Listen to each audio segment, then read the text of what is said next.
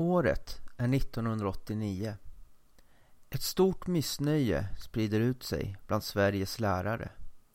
Statens arbetsgivarverk vill att lärarna ska vistas i skolan under en större del av sin arbetsvecka. Dessutom skulle tio dagar från sommarlovet komma att användas för fortbildning, utvärdering och planering. Arbetsgivarnas bud var baserat på kommunaliseringen av skolväsendet och det här fick medlemmarna i Lärarnas riksförbund att se rött. En splittring uppstår där Sveriges lärarförbund och Svenska facklärarförbundet inte vill gå i strejk med Lärarnas riksförbund. Man såg inte en strejk som något anständigt och värdigt för läraren.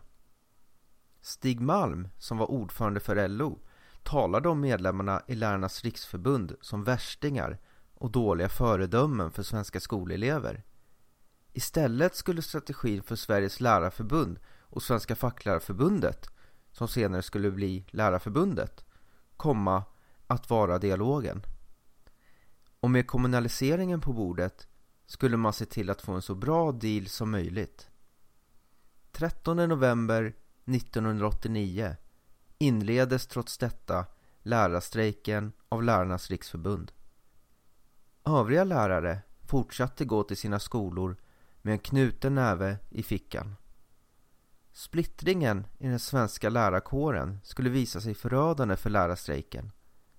Under pågående konflikt klubbades kommunaliseringen igenom i riksdagen efter att Socialdemokraterna fått majoritet genom stöd från Vänsterpartiet. Skolministern Göran Persson hade fått sin vilja igenom. Skolan var nu en kommunal angelägenhet. Omröstningen i riksdagen slutade med 162 röster för och 157 röster emot. 8 december 1989. Sex dagar senare, den 14 december, avslutas den första och enda lärarstrejken. Läraren hade fått en ny arbetsgivare.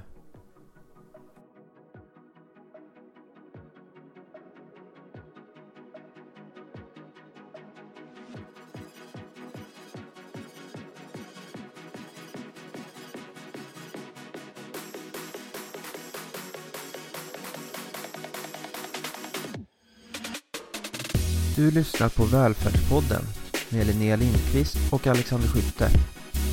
I det här avsnittet kommer vi att diskutera lärarstrejk.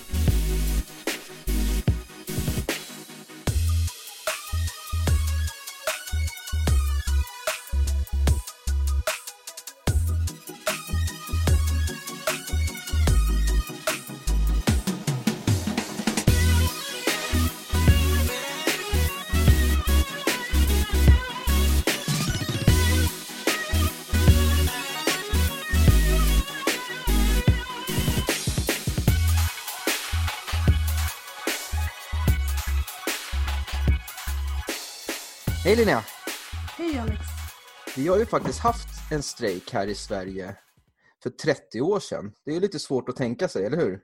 Ja, med tanke på hur situationen är idag för lärarna så är det väldigt svårt att tro att det har varit en strejk. Ja, och det var ju inte alla lärare som gick ut här utan det skedde ju en splittring där i lärarkåren redan då, för 30 år sedan. Och den har väl nästan bara fortsatt. Det har vi ju inte blivit bättre av att den här lärarstrejken inte gav något vidare resultat så att säga. Nej, och nu har vi avtal också som är liknande tidningsartikel än ett avtal. Ja, precis. Tror, tror du att man har blivit lite avskrämd eftersom att strejken inte blev så framgångsrik? Jag tror att den har fallit i glömska faktiskt. Ja, helt och hållet sådär. Man kommer liksom inte ihåg det. Att det har hänt. Kan det vara lite så att lärare vill liksom se sig själv som att man sitter över sådana här stridsåtgärder? Det är ingenting för läraren liksom. Jag tror att vi har, med tanke på hur vi styr skolan och har styrt skolan i 30 år, så, så tror jag att man, eh, man är så inkörd på att eh, Ja, på hur, på hur skolan har varit så länge så att man tänker kanske inte att man kan driva igenom förändringar. Ja, man, man ser det lite som hopplöst med andra ord. Ja, precis. Det, låter dystopiskt. Men eh, så här med facit i hand, tror du att eh, Lärarförbundet då, då, tror du att de hade gått med på barrikaderna här, gått upp där och ställt sig med eller om de hade sett att det var så här det blev?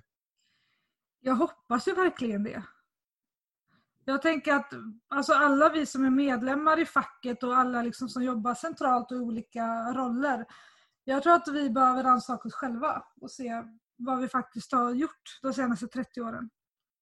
Ja, och det är ju inte bara i Sverige som det har liksom varit oroligt. Utan eh, nu se, på senare tid så har ju Polen har ju haft ganska massiva lärarstrejkar. Och eh, sen så har ju också USA, särskilt under eh, vår avtalsrörelse så hade de ju eh, lite strejkar där borta. Som faktiskt var ganska framgångsrika. Ja, de är, det är väldigt intressant tycker jag att titta på hur, hur lärarna organiserar sig i USA. Sen får man ju tänka på att de har ett helt annat eh, alltså förhållande mellan liksom arbetstagare och arbetsgivare än vad vi har i Sverige. Alltså det är en annan modell. Men det är ändå intressant att eh, se hur de, hur de driver igenom frågor i USA. Ja, och kanske där så finns det någonting att lära sig och hämta. Och därför har vi med Patrick, eller hur? Precis. Hej Patrik! Hej! Hej! God dag! God dag! Kan inte du berätta lite vem du är? Uh, ja, jättegärna lite kort. Um, så jag är lärare uh, och jag är första generations invandrare i Sverige sedan 1987. Uh, eh, och det brukar liksom komma frågor om varför man skulle flytta sig till Sverige. Och jag tycker det är viktigt när jag, när jag presenterar mig att förklara att det, det var ett väl övervägt beslut. det var ju givetvis en kärlekshistoria bakom men jag hade varit i Sverige Eh, på besök tre somrar i rad och sen flyttade jag hit typ på besök i ett halvår. Det här var på slutet på 80-talet, jag bodde i Manhattan då. Eh, och jag hade sett med egna ögon hur eh, trots liksom eh, börsbubblan och, och nyrikedomen som började förvandla New York till vad det är idag, så var det fruktansvärt mycket misär och hemlöshet och och i Sverige så upptäckte jag ett land där jag uppfattade i alla fall att folk brydde sig om varandra och ingen klagade över liksom de här höga skatter man betalade. För vi hade ett rätt så bra livskvalitet. Så, så jag gjorde ett beslut eh, att flytta till Sverige där jag kunde liksom bidra till någonting som jag kände att jag kunde tro på. Eh, och jag känner att jag har gjort rätt, rätt beslut utifrån vad som har hänt i USA sedan dess. Men men um, ja, det är inte samma Sverige som jag flyttat till. Jag har varit lärare sedan 1995. Eh, jag är grundskollärare, har jobbat mest eh, på högstadiet även om jag har lite annan erfarenhet också av vuxenundervisning. Eh, och jag jobbar i Stockholm på en innerstadsskola och det har jag gjort ganska länge. Men visst, visst tolkar jag dig rätt ifall alltså, sådana här värden är viktiga för dig? Liksom så här, medmänsklighet ja, och så här. Eh. Ja, alltså de är mycket viktiga för mig. Jag skulle hoppas att de är viktiga för alla lärare i och med att vi har ju också en, eh, en annan del av läroplanen som vi ska ställa upp på och undervisa om. Men um, ja, kanske speciellt för mig till skillnad från många i mitt hemland. Att jag, jag känner och har alltid känt och känner fortfarande idag att jag passar rent liksom politiskt och, och solidariskt bättre in med med den svenska mentaliteten, eller den skandinaviska mentaliteten än, än, än vad som, ja, den mentaliteten som råder i mitt hemland. Ja, just det. Och vi bjöd ju in dig här, alltså främst för, du är ju en god människa liksom, men eh, vi vill ju höra liksom lite det du kan om eh, egentligen det som har hänt i USA och särskilt i samrörelse då eh, med vårt eh, läraravtal där vid 2018 så hände ju ganska mycket, eller hur? Ja, alltså det, timingen var ju väldigt eh, intressant kan man säga. Det var, det var därför jag började intressera mig så mycket just då. Eh, för vi hade ett avtalsrörelse på gång som blev liksom uppskjutna och förhalat och också en valrörelse på gång samtidigt. Eh, jag tycker det är viktigt att, att börja med att jag är ingen expert på vad som händer i USA men jag är nyfiken och jag har en, jag tar del av en hel del eh, amerikanska nyheter och så vidare. Så jag, det är väl lätt för mig att följa det. Vid en tid i Sverige då ingen annan verkade veta vad som hände där eller ärligt talat bry sig trots att det var liksom valår här och, och, och avtalsrörelse för lärare. Jag gick runt våren 2018 och frågade i stort sett alla jag kände inom skolvärlden och då pratade jag inte bara kollegor utan liksom skolledare, eh, människor som jobbade inom kommunal förvaltning, eh, fackliga eh, vad heter det, eh, anställda. Ingen visste vad som höll på att hända och det var ju, vet vi nu, den största arbetarrörelsen som har skett i mitt hemland sedan 1960-talet. Eh, när, ska jag fortsätta? Ja, absolut. Fortsätt gärna del. Avbryt om ni har några frågor. Så, så det första jag tänkte var varför har jag inte sett det här i svensk nyhetsmedia? Ehm, det började med i West Virginia, vilket om man inte känner till det är ju en väldigt fattig delstat faktiskt. Eh, det är kolgruvorna som alltid liksom försörjt folk där och de har stängt ner sedan 60-70-talet och det är eh, kanske USAs fattigaste delstat. Eh, men intressant nog var det också den delstaten där Donald Trump fick sitt allra starkaste väljarstöd. Jag tror han fick typ 67 procent av rösterna eller någonting. Vi pratar om eh, fattiga vita människor eh, som bor i eh, småstäder eller, eller, eller byar som är i stort sett helt förfallna.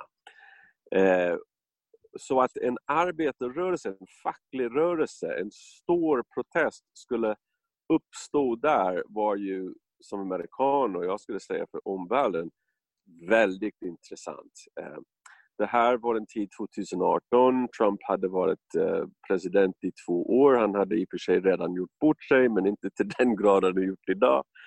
Eh, och det här var liksom att säga en, en backlash, en, en, eh, eh, en, en, en väldigt starkt budskap eh, till hela landet att även om de hade stött Trump i, i, i, i valet eh, så fanns det värderingar där som var ännu viktigare. Så det började med att lärarna helt enkelt eh, gick ut i strejk. Det var en vild strejk, det vill säga att enligt avtal så fanns det inte möjlighet, juridisk möjlighet att, eh, att strejka. Jag kan förklara lite där jag vet om bakgrunden snart men, men det jag tycker är viktigt att säga är ju att den här strejken drabbade hela delstaten.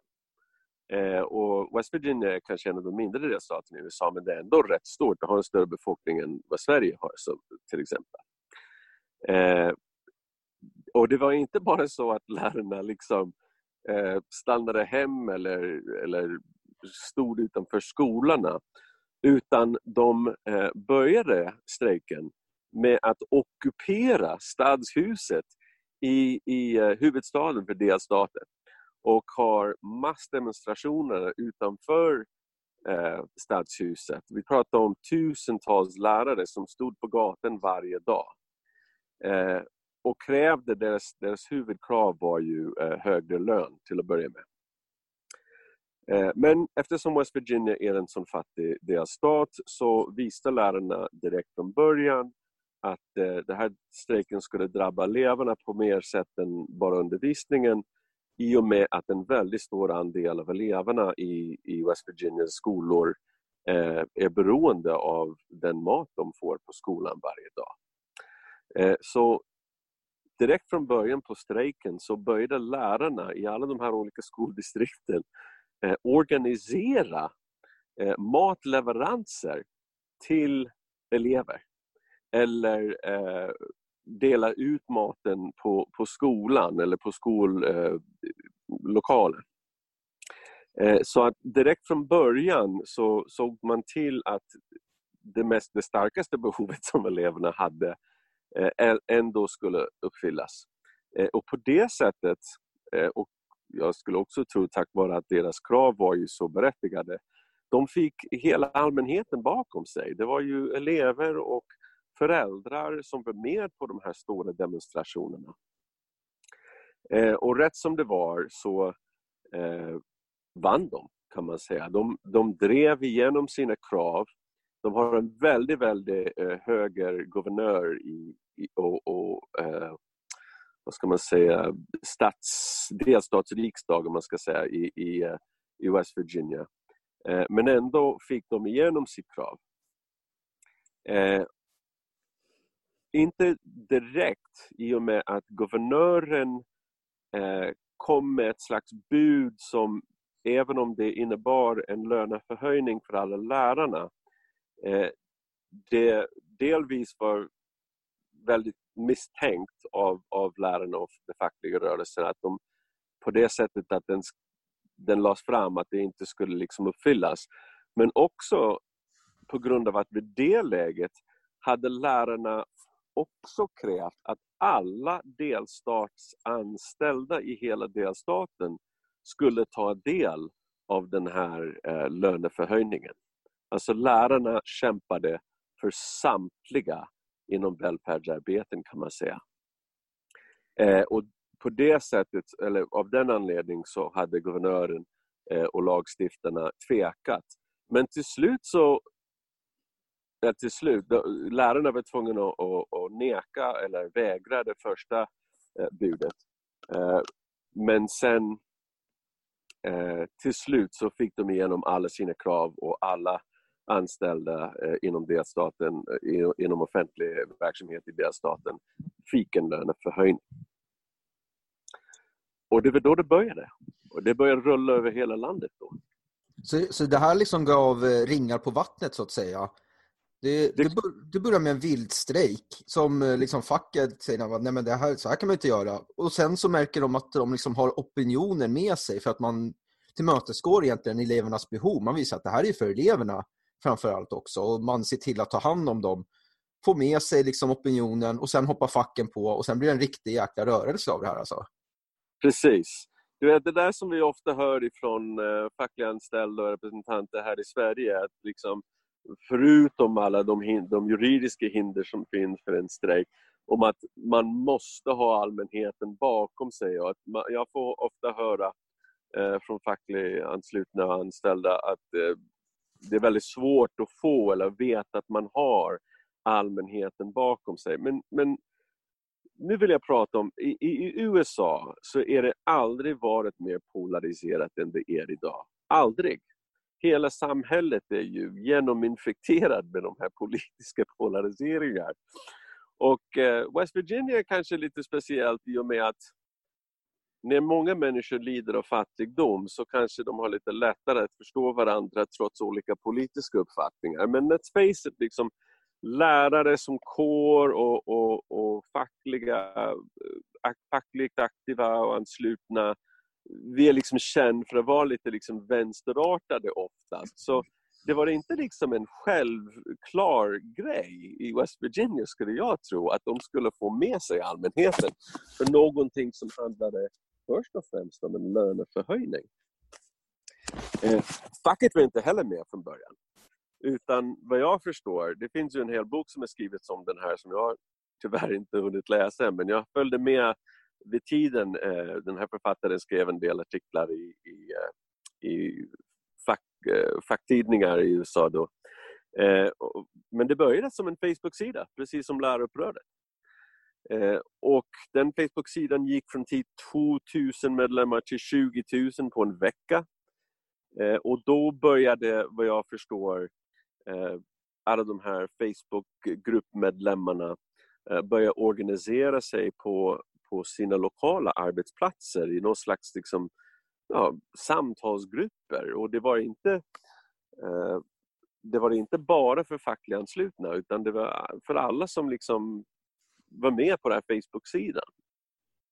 Eh, och det var så att säga grunden till organiseringen om jag har förstått det rätt. Och i och med att det var så många av de här lokala grupper som startade på skolorna eh, och de började formulera krav och, och eh, samla dem på den här Facebook-sidan. Eh, då var facket tvungen att börja eh, uppmärksamma den här.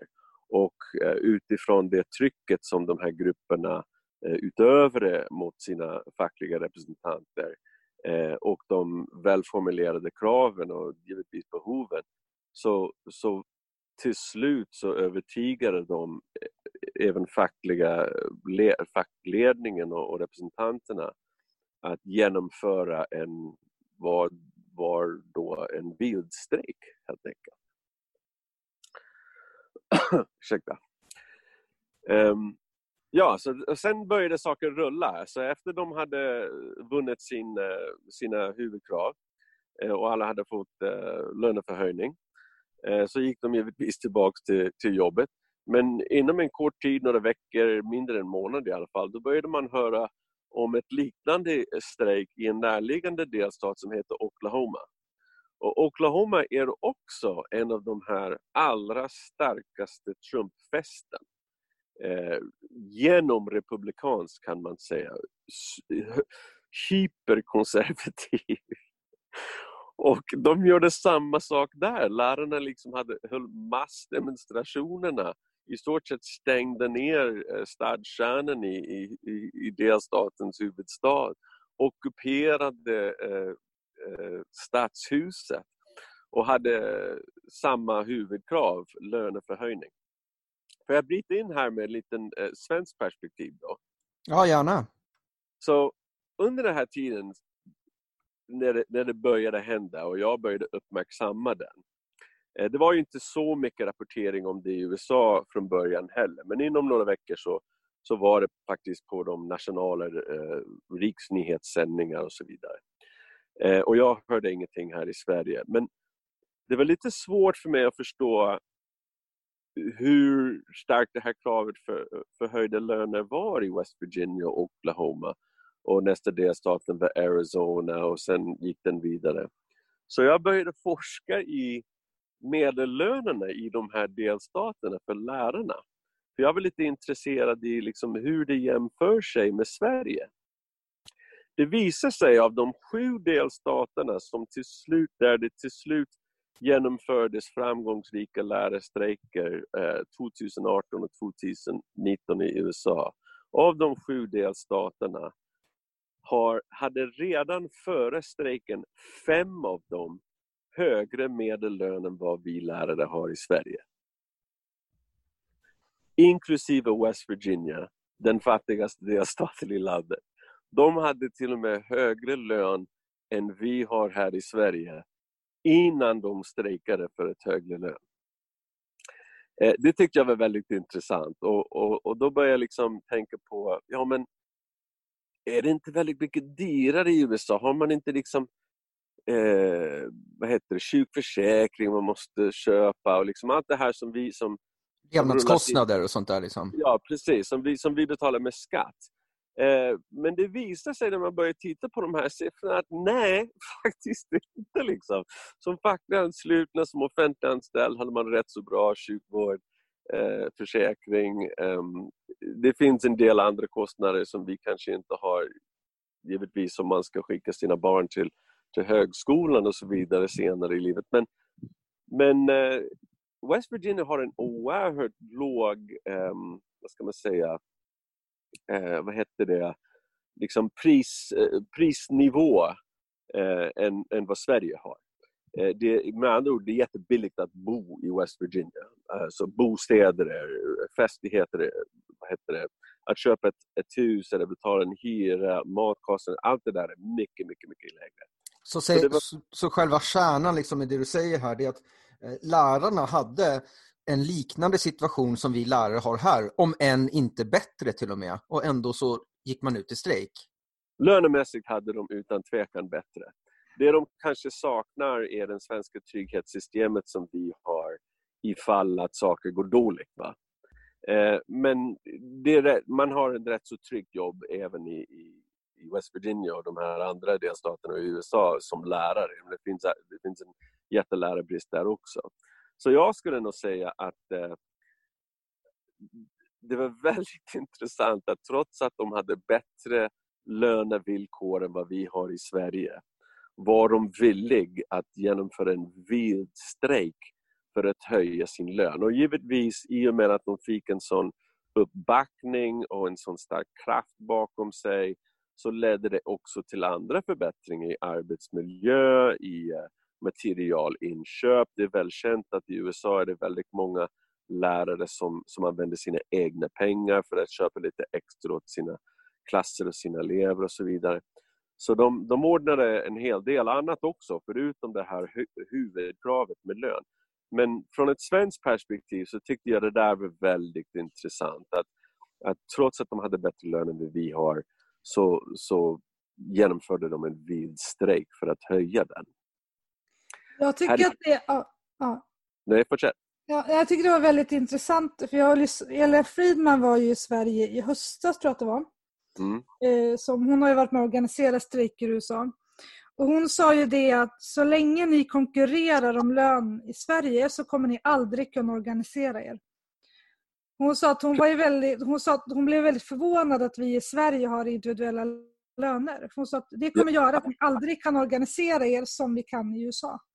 Ja, mycket bra poäng. I och med att det inte finns i West Virginia och de här delstaterna så har man mycket lättare att nå solidaritet eh, hos lärarna i de här frågorna.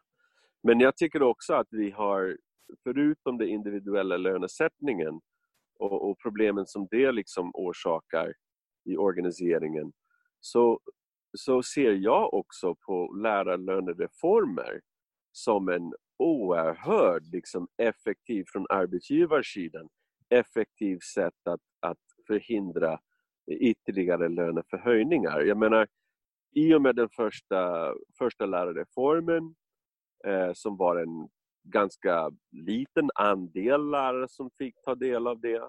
Och sen kom eh, lärarlönelyftet, vilket om jag minns rätt var ungefär en tredjedel av lärarkåren som det innefattade.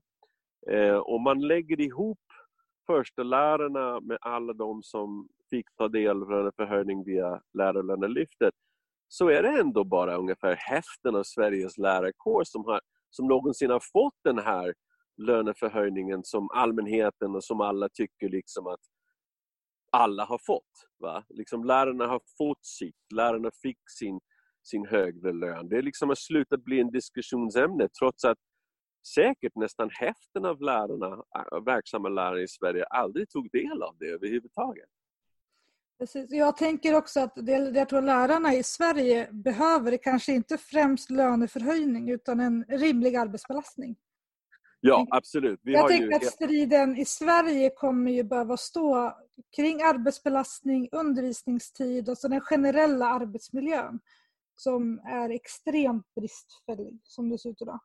Jag håller, jag håller helt med dig. Eh, jag, jag började utifrån det här eftersom det var liksom huvudkravet i USA och där skulle, jag, där skulle jag också tro att arbetsmiljön överlag i USA Eh, är ju oerhört mycket mer krävande än vad vi har i Sverige. Även skulle jag säga kanske för, ja kanske vi välfärdsarbetarna börjar komma upp i, i de hemska nivåerna av arbetstimmar och, och, och, så vidare som, som de jobbar i USA. Men sen jag flyttade från USA är en 60 timmars eh, arbetsvecka ganska vanligt bland tjänstemannayrken. Liksom det är ingen, man får betalt för 40 men det är ingen som jobbar för 40 längre.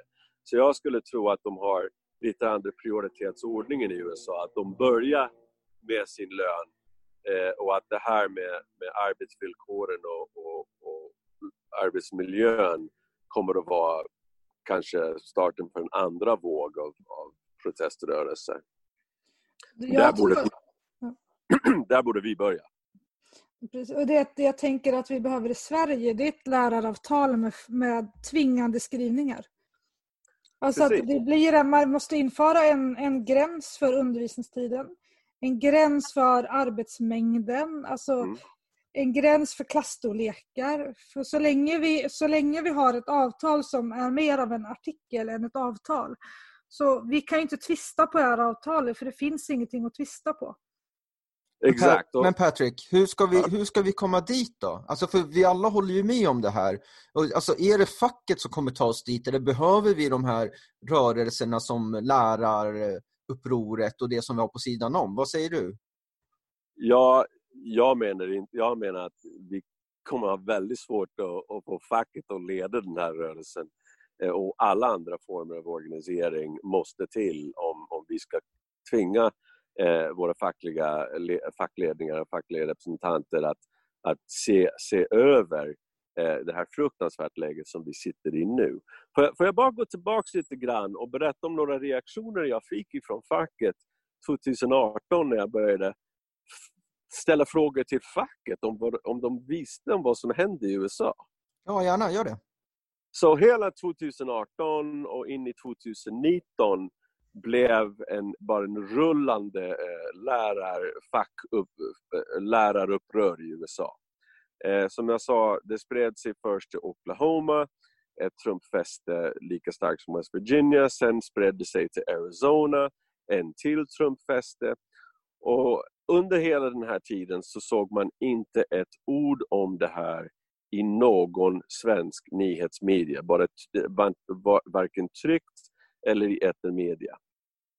Vilket jag tyckte var väldigt märkligt, för liksom, det här var ändå en tid där varje gång Donald Trump släpper någon järnfjärt så kommer det som första nyhet på liksom ekonyheterna på morgonen. Han har släppt någon idiotisk tweet och så, så rapporteras det på riksnyheter i Sverige. Det var redan så 2018 att man hörde om Donald Trump nästan dagligen eh, i svensk nyhetsmedia. Eh, men en, trots att den, den, här fackliga upprör, det här läraruppröret hade börjat i hans starkaste fästen i USA så uppmärksammades ingenting. Jag tyckte det var jättekonstigt. Jag började googla kring det. Jag har tillgång till eh, eh, nyhetsarkivet Media Retriever via jobbet där jag kan söka igenom samtliga svenska tryckta tidningar, lokaltidningar, facktidningar och så vidare.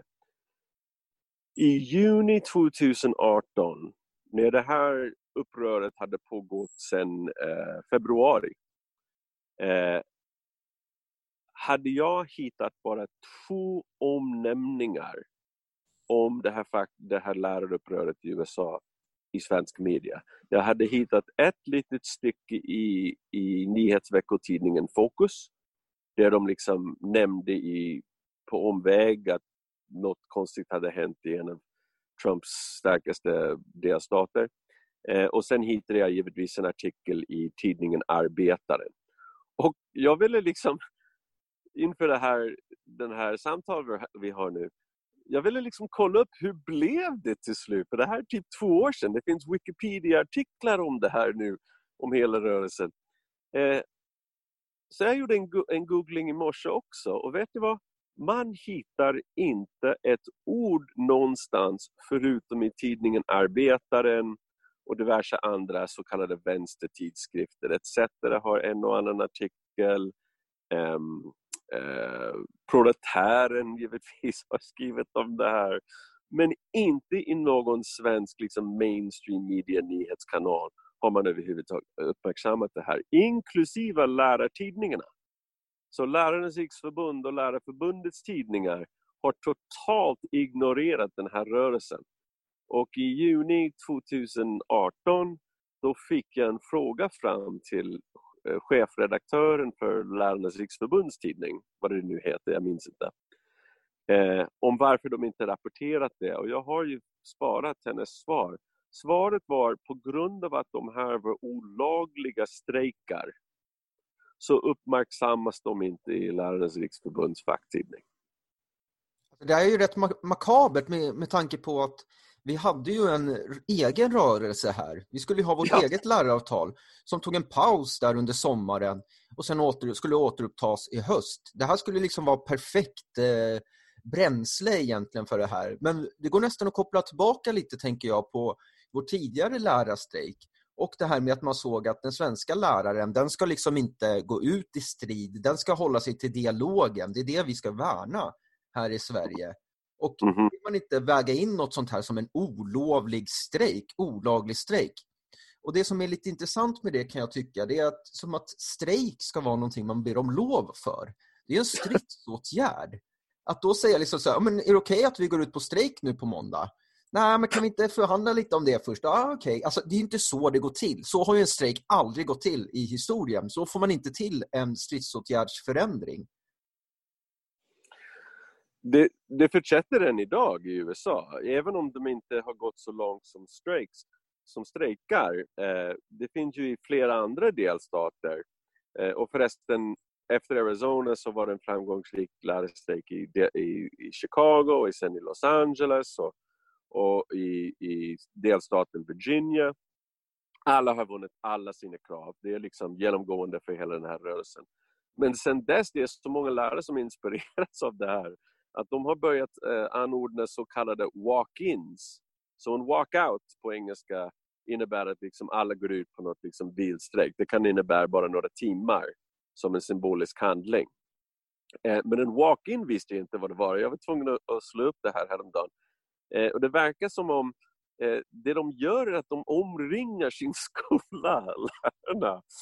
Eh, och liksom håller liksom en spontan demonstration där med skyltar och så vidare. Eh, och det kan, göra, det kan göras för att uppmärksamma eh, andra mer så att säga etablerade aktioner i, i andra delstater eller bara för att väcka lite inspiration hos kollegorna och så vidare. Men det verkar som om eh, lärarna i USA har ju, har ju startat eh, den, ja, som jag sa, den största fackliga rörelsen sedan, sedan 60-talet. Och då ska man komma ihåg då också, och det glömde jag säga från början, att eh, Sverige och USA är väldigt annorlunda vad gäller facklig eh, anslutning. Så när jag växte upp i USA på 60-70-talet var det ungefär 50 procent eh, fackligt anslutna. Och det för oss i Sverige känns som väldigt lite, men i USA var det den största någonsin. Eh, sen dess har den nationellt sett sänkt sig till kring 11-12 procent eh, bland, bland löntagare över, över, överlag som är fackligt anslutna. Eh, och givetvis de de yrken där de har den starkaste fackliga anslutning är ju offentliga yrken och lärar, lärarfacken i USA är ju inte att leka med. De, de är de allra starkaste, de allra eh, mest stridslystna eh, och de har väldigt mycket politiskt inflytande. Det, det tror jag inte vi har här i Sverige heller utan jag ser mer liksom facket som en förlängd arm av, av eh, av politiken. De, de, liksom hand, de går hand i hand och kommer överens om allting. Och, och man kanske, jag kanske är lite konspirat, konspirationslagt men, men jag menar att det måste ju finnas ett samband med den här totala nyhetsblackouten i Sverige under, under valrörelsen hösten 2018 och, och läraravtalsrörelsen samtidigt med att liksom, vi fick inte höra någonting om vad som hände i USA. Trots varenda dag fick vi höra om Trumps senaste tweets. Jag, jag tror det hade varit väldigt olägligt om den här nyheterna hade kommit ut och läraruppröret som var i sin begynnelse då här i Sverige hade liksom blivit inspirerad av det. Det hade blivit bara jobbigt för alla de som satt i, i avtalsrörelsen och, och givetvis frågor till politiker om, om det på den tiden hade inte heller varit så bekväma. Men, men, vi har ju den här bakgrunden nu. Vi, vi ser det som har hänt i USA, vi ser hur mm. det har mm. gått i Sverige, den här mm. papperstigen som inte betydde något. Uh, om du skulle bygga en så här trestegsraket eller vad man ska kalla det, alltså en raket för att få i ordning på den här uh, miserabla situationen som vi lärare befinner oss i. Mm. Hur skulle du göra då? Vad ser du för steg som vi kan ta för att förbättra vår situation? Ja, men först och främst så håller jag med er och, och, om att det är lärarens arbetsmiljö som man måste fokusera på. Eh, även om jag tycker att den andra halvan av lärarkåren också förtjänar en löneförhöjning.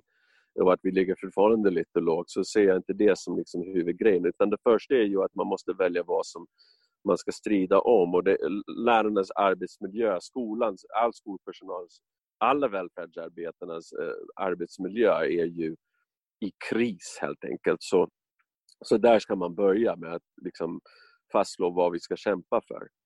Eh, och sen tror jag inte att jag har några originella idéer utan det vi har sett hända i USA eh, verkar vara en framgångsrik metod. Jag lyssnade också på Ellen när hon var här i, i, i våras var det. Eh, och eh, fick höra om hur de hade startat i USA och, och min tanke redan i, i våra första samtal då var ju att vi måste starta sådana här lokala grupper på skolan då. Jag menar, läraruppröret har så pass många eh, medlemmar på Facebook att det måste ju representera en ganska stor spridning över landet vad gäller arbetsplatser. Det måste finnas någon av oss liksom, på de allra flesta skolor. Eh, och även eh, alla, alla, som är alla lärare som är intresserade sig i, i TS Balans eh, böcker. Till exempel eh, den första som kom ut som heter De effektiva. Tror jag det var. Och den eh, här, ja, jo men precis, det heter den. Och den här senaste som heter De lönsamma som handlar om vinst i välfärdsarbeten och så vidare. Um, jag har uppmärksammat åtminstone att det finns en och annan lärare på min arbetsplats som, som känner till det här och som har läst den och som följer deras tweets och är med på läraruppröret. Och det jag tror, och jag helst ville börja med också innan det här med corona kom till i våras, var ju att om man startar en lokal grupp på en skola och det är över de fackliga gränserna, till och med liksom de som inte är fackligt anslutna, skulle börja träffas och helt enkelt ha samtal om sina arbetsvillkor. Själv jobbar jag på en väldigt stor skola, jag tror det är Sveriges största grundskola. Och jag kan bara säga att jag har ingen aning hur vissa avdelningar har det. Jag har ingen aning hur vissa av mina kollegor har det. När det har då och då kommit fram på ett fackligt möte eller på en personalkonferens har jag delvis blivit förskräckt med att vissa av mina kollegor och, och arbetskamrater på min skola kunde ha det så medan jag har det och flera andra av oss har det så mycket bättre. Så jag tror det börjar med att vi måste liksom faktiskt på varsin enskild arbetsplats starta grupper där vi i all anspråkslöshet men väldigt öppet och ärligt berättar för varandra hur vi har det.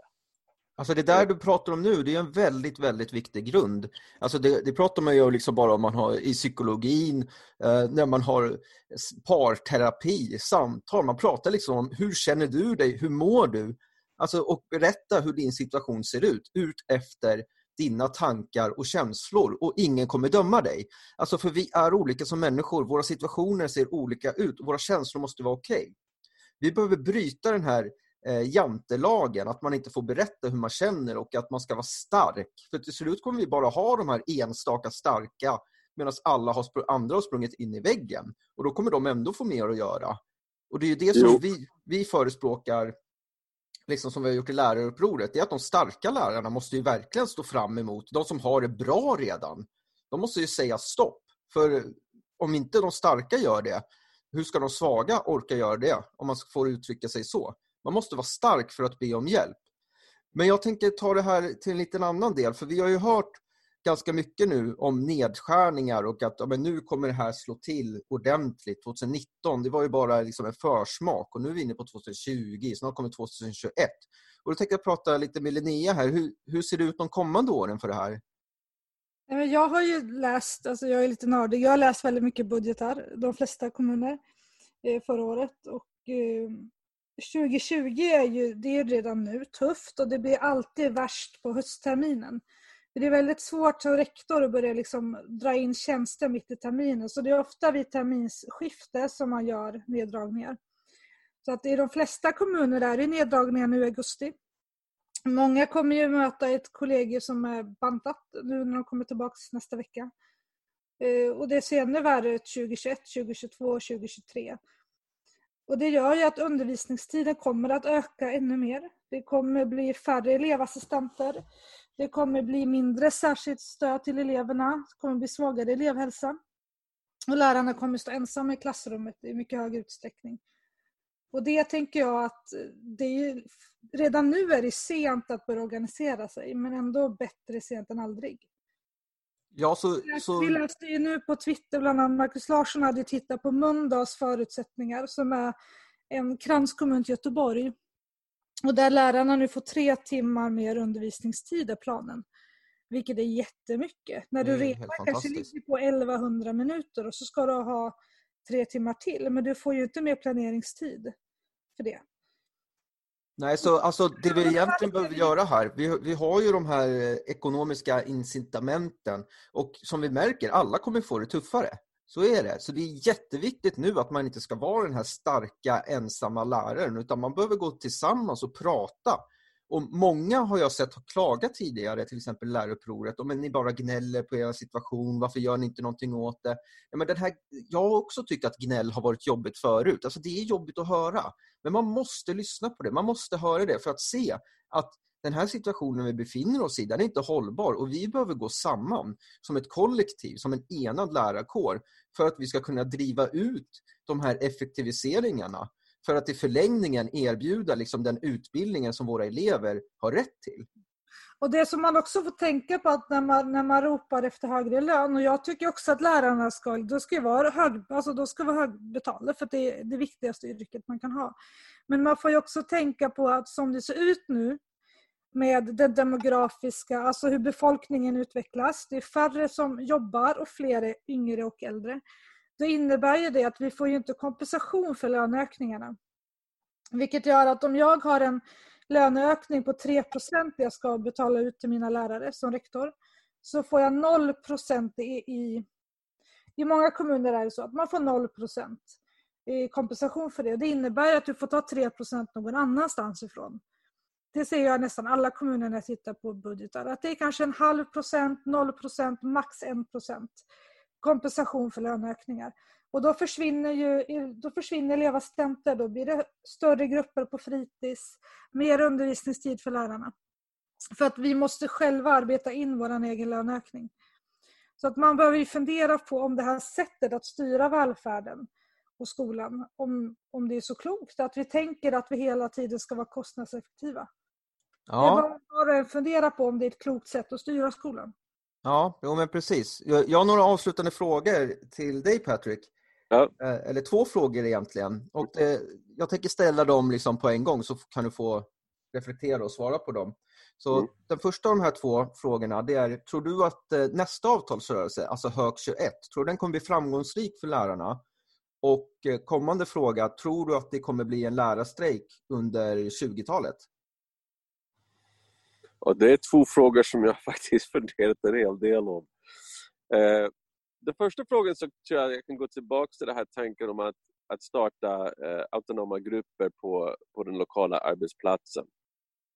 För jag menar, skulle man bara liksom spontant föreslå det här på ett, på ett fikarast i, i lärarrummet, skulle inte så många nappa. För det, det är de liksom, jag tror det första man tänker på är att liksom, någon slags gnällgrupp. Va? Vi kommer bara sitta tillsammans och gnälla över hur jobbigt vi har det och, och det finns ändå inget. Den här maktlöshetskänslan, det finns ändå ingenting vi kan göra. De få som förstår hur låsta vi är av de fackliga avtalen, de liksom fattar liksom att det är ett enormt arbete att förändra allt det där. Och väldigt många inte ens liksom förstår så mycket. Och det som Linnea förklarade alldeles nyss, om att liksom vi har fått betala våra egna löneförhöjningar med försämrad arbetsmiljö och, och mer arbetstid. Det förstår inte de flesta heller. Så jag menar att skulle man forma sådana här grupper då skulle man behöva ha något liksom positivt eller åtminstone konstruktivt eh, att sätta sig in i. Eh, till exempel en, en, stu, en studiecirkel eller, eller läsegrupp kring kring T.S. Balanses första bok De lönsamma där det förklaras väldigt pedagogiskt det som, som Linnea förklarade just nu om liksom hur det faktiskt blivit så här att vi har det så tungt nu. Um, uh, också med tanke på kommande avtalsrörelser, uh, vad skulle vi kunna göra? Det jag är rädd för inför hösten nu och våren och även nästa avtalsrörelse eftersom den här pandemin verkar inte gå över så snart som alla hoppats, är att man kommer att titta på corona som någon slags allmän ursäkt för att man inte behöv, behöver göra någonting eller att allting gick åt helvete. Men vad jag förstår är att vi väntar fortfarande, vi lärare, på någon slags eh, facklig utvärdering av den förra avtalet, eller hur? Precis, den, är ju inte, den skulle vara gjord i december men den är fortfarande inte genomförd vad jag förstått som. Ja, och jag är lite rädd för att vi kommer att få höra att det är liksom på grund av corona. Men det var, väldigt, det var redan försenat innan corona slog till i februari. Och, och, jag tycker det är väldigt viktigt att vi liksom på de enskilda arbetsplatserna dels kräva att den här utvärderingen kommer fram och i god tid. Och dels liksom bidrar på något sätt till att den kommer ut. Om, om, för givetvis kommer det vara ett misslyckande. Ingenting har blivit bättre i lärarnas arbetsmiljö. Och det är massa skolor nu, av precis de förklaringar som Linnea nämnde, som, inklusive min skola, som kommer att ha utökad undervisningstid. Vi går upp med en hel timme nu till hösten. Eh, så givetvis är det förra läraravtalet 2018 ett totalt misslyckande. Eh, och det där måste komma fram och vi måste pressa fram det. Och vi får inte acceptera någon bortförklaring om att det var på grund av Corona, liksom, utan tvärtom. Det var ett tandlöst avtal som var misslyckat från allra första början. Och det måste redovisas öppet och ärligt. Och de som liksom har misslyckats måste liksom förklara sig och, och ta ansvar för det. Så kommer Hök 21 att få de här gifttänderna på ormen, riktiga huggtänder? Och, och då menar jag att det, jag hade liksom ett spontant tanke för, innan allt det här började i våras som att vi i de här grupperna skulle kunna börja läsa igenom motioner som kommer att behandlas på nästa eh, kongress eller eh, som, de, som, de, som ligger till underlag för beslut inför den nästa avtalsrörelsen och att försöka identifiera en och annan av alla de här hundratals eller tusentals vad det nu är som vi kan faktiskt stå bakom och visa med kraft och med, med, med antal att vi vill ha det så här. Eh, jag skulle tro att det kanske finns någon motion där inne att vi ska liksom överge den här idiotiska vad heter det, samverkansavtal som vi, som vi har följt i så många år och som jag menar är kanske en av de största anledningarna till, till skolvärldens ras. Även om det aldrig liksom tas fram i sådana sammanhang. Eh, så det var det första. Din andra fråga var ju, kommer det vara någon lärarstrejk? Ja, precis. Kommer det en lärarstrejk under 20-talet? Wow. Det, alltså, ett, ett lärarstrejk skulle nästan kräva en, en total katastrof som drabbar skolorna, eller hur? Jag menar, vi har lärt oss att stå ut med så mycket. Eh, och givetvis skulle det hjälpa om vi kunde få bättre insikt om varandras villkor på, på samarbetsplatsen och så vidare. Men, men det känns nästan som att vi skulle behöva utsättas för någon slags orkan eller naturkatastrof. Och, och nu har vi faktiskt fått det. Eh, ja, vi fick ju en pandemi. Ja, vi fick en pandemi. Och även om skolorna liksom förblev öppna eh, och allting verkade normalt, eh, det, det säger jag förstås med, med vetskap om att väldigt många fick det väldigt jobbigt med dubbelarbete, distansarbete samtidigt som de undervisar och så vidare. Och så vidare. Jag tror inte att det kommer att bli så lätt nu till hösten, speciellt när gymnasieskolorna öppnar. Dels är jag rädd för att det kommer vara en annan våg av, av smittvåg. Eh, det vi ser i utlandet, eh, till exempel i Israel, är att skolan är ju faktiskt en källa för smittspridning. Och när man öppnar gymnasieskolorna så kommer det bli förmodligen en konsekvens av det. Men ehm, det jag tror är att det kommer, det kommer att verkligen bära det brista nu till hösten och våren och, och förmodligen mest brista. Eh, och ju värre vi får den, desto större, konstigt nog, finns chanserna att man börjar samla sig och förena sig och, och börja liksom göra något motstånd. Så i all misär liksom, som ändå råder just nu, som 2020 har brytt, som har serverat oss liksom på det här smörgåsbordet av katastrofer, så måste man ändå säga att det, liksom, det kan finnas hopp man behöver slå i botten innan man kan vända. Det är lite, lite så. Ja, jag tror dels är det nödvändigt och dels liksom, hur annars ska man se på alla de här katastroferna? Jag menar, ärligt talat, november i USA, valet, kan vara en total nedbrytning av det samhället. Och, och då, det kommer att påverka hela världen och definitivt liksom västvärlden i Europa. Det, liksom, det, det, kommer också vara en sak till som bara läggs till det här oerhörda börda som vi alla bär nu. Och hur ska man annars överhuvudtaget kunna stå ut om man inte förvandlar det till någonting positivt? Jag kan tänka mig att ett, ett, ett konstruktivt, positivt budskap eh, om en strejk är ju en sån eh, kan vara ett sätt för folk också att hantera den här tiden vi lever i. Jag tror också att, att det är jätteviktigt att var och en förstår hur, alltså hur systemet är riggat. Jag tänker de flesta har ju kanske inte kunskap om det om man inte läser alltså nämndhandlingar och liksom budgetar och dokument. Ja, ja, det hänger ju ihop just det här med, liksom, med, med löneökningar, att man får mer undervisningstid, att vi har mer och mer fokus på kvalitetsarbete, lärarna är mer i konferensrummet och mindre i klassrummet. Det behöver vi ju, man behöver förstå hur allting hänger ihop tänker jag. Det är därför som vi liksom har bjudit in dig här Patrick för att berätta liksom, så här har man gjort i USA, kan vi ta med oss något härifrån till Sverige? För det här ser inte ut att vända om vi inte gör någonting åt det. Det kommer inte vända av sig själv. Jag tänker att det är vi som måste vända det i så fall. Vi behöver inspiration. Jag menar, det, det stora förlusten med att det här inte har rapporterats i, i, i Sverige, eller knappt utanför USA förmodligen, Eh, är ju att vi har inte sett hur roligt de här lärarna har haft det tillsammans när de ändå kom igång. Va?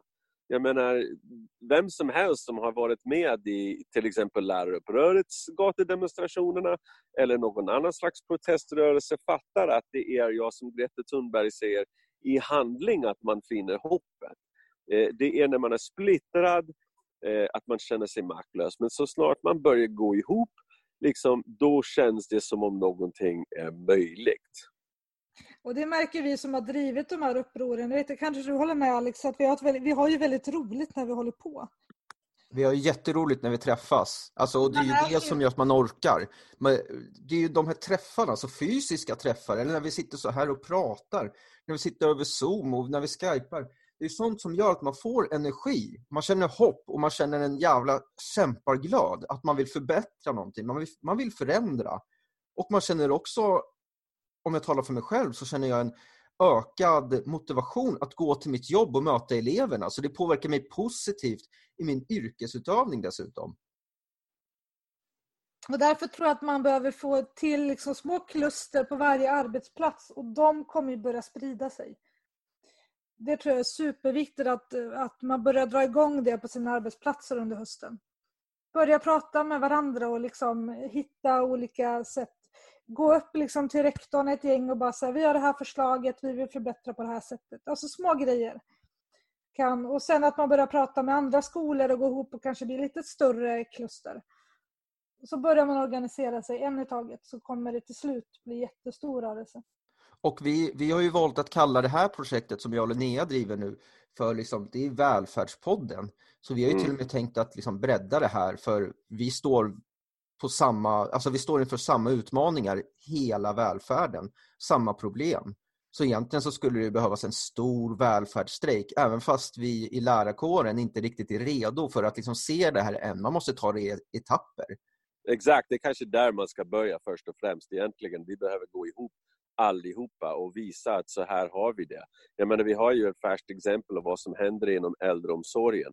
Och ingen av oss som har varit med i, i, i de här diskussionerna tidigare var förvånad över att pandemin drabbade dem i äldrevården så hårt som det gjorde. Vi, vi kände till deras arbetsvillkor, även om det lät inte som om de på FOM eller Socialstyrelsen hade en aning om hur jobbigt de har det där. Nej, och det är precis det vi faktiskt ska prata om nästa månad i september. För just nu har vi lite skolfokus här ja. i augusti. Men Patrik, det var ett väldigt intressant att prata med dig om det här. Så stort tack för att du tog dig tiden att diskutera ja, med oss. Tack, tack så mycket. Ja, det var jätteintressant.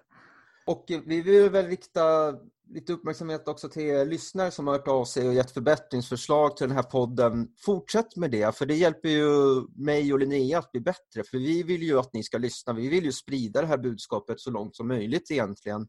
För vi gör ju inte det här för personlig vinning utan det här handlar ju om en kamp som välfärden står inför och där vi behöver gå tillsammans. Det är ju vad det handlar om. Så fortsätt att komma med förbättringsförslag och förslag på personer vi kan träffa och prata, precis som, som är så intressanta till exempel som Patrick är. Så kan vi bjuda in dem till den här podden. Så tack för att ni lyssnade. Tack!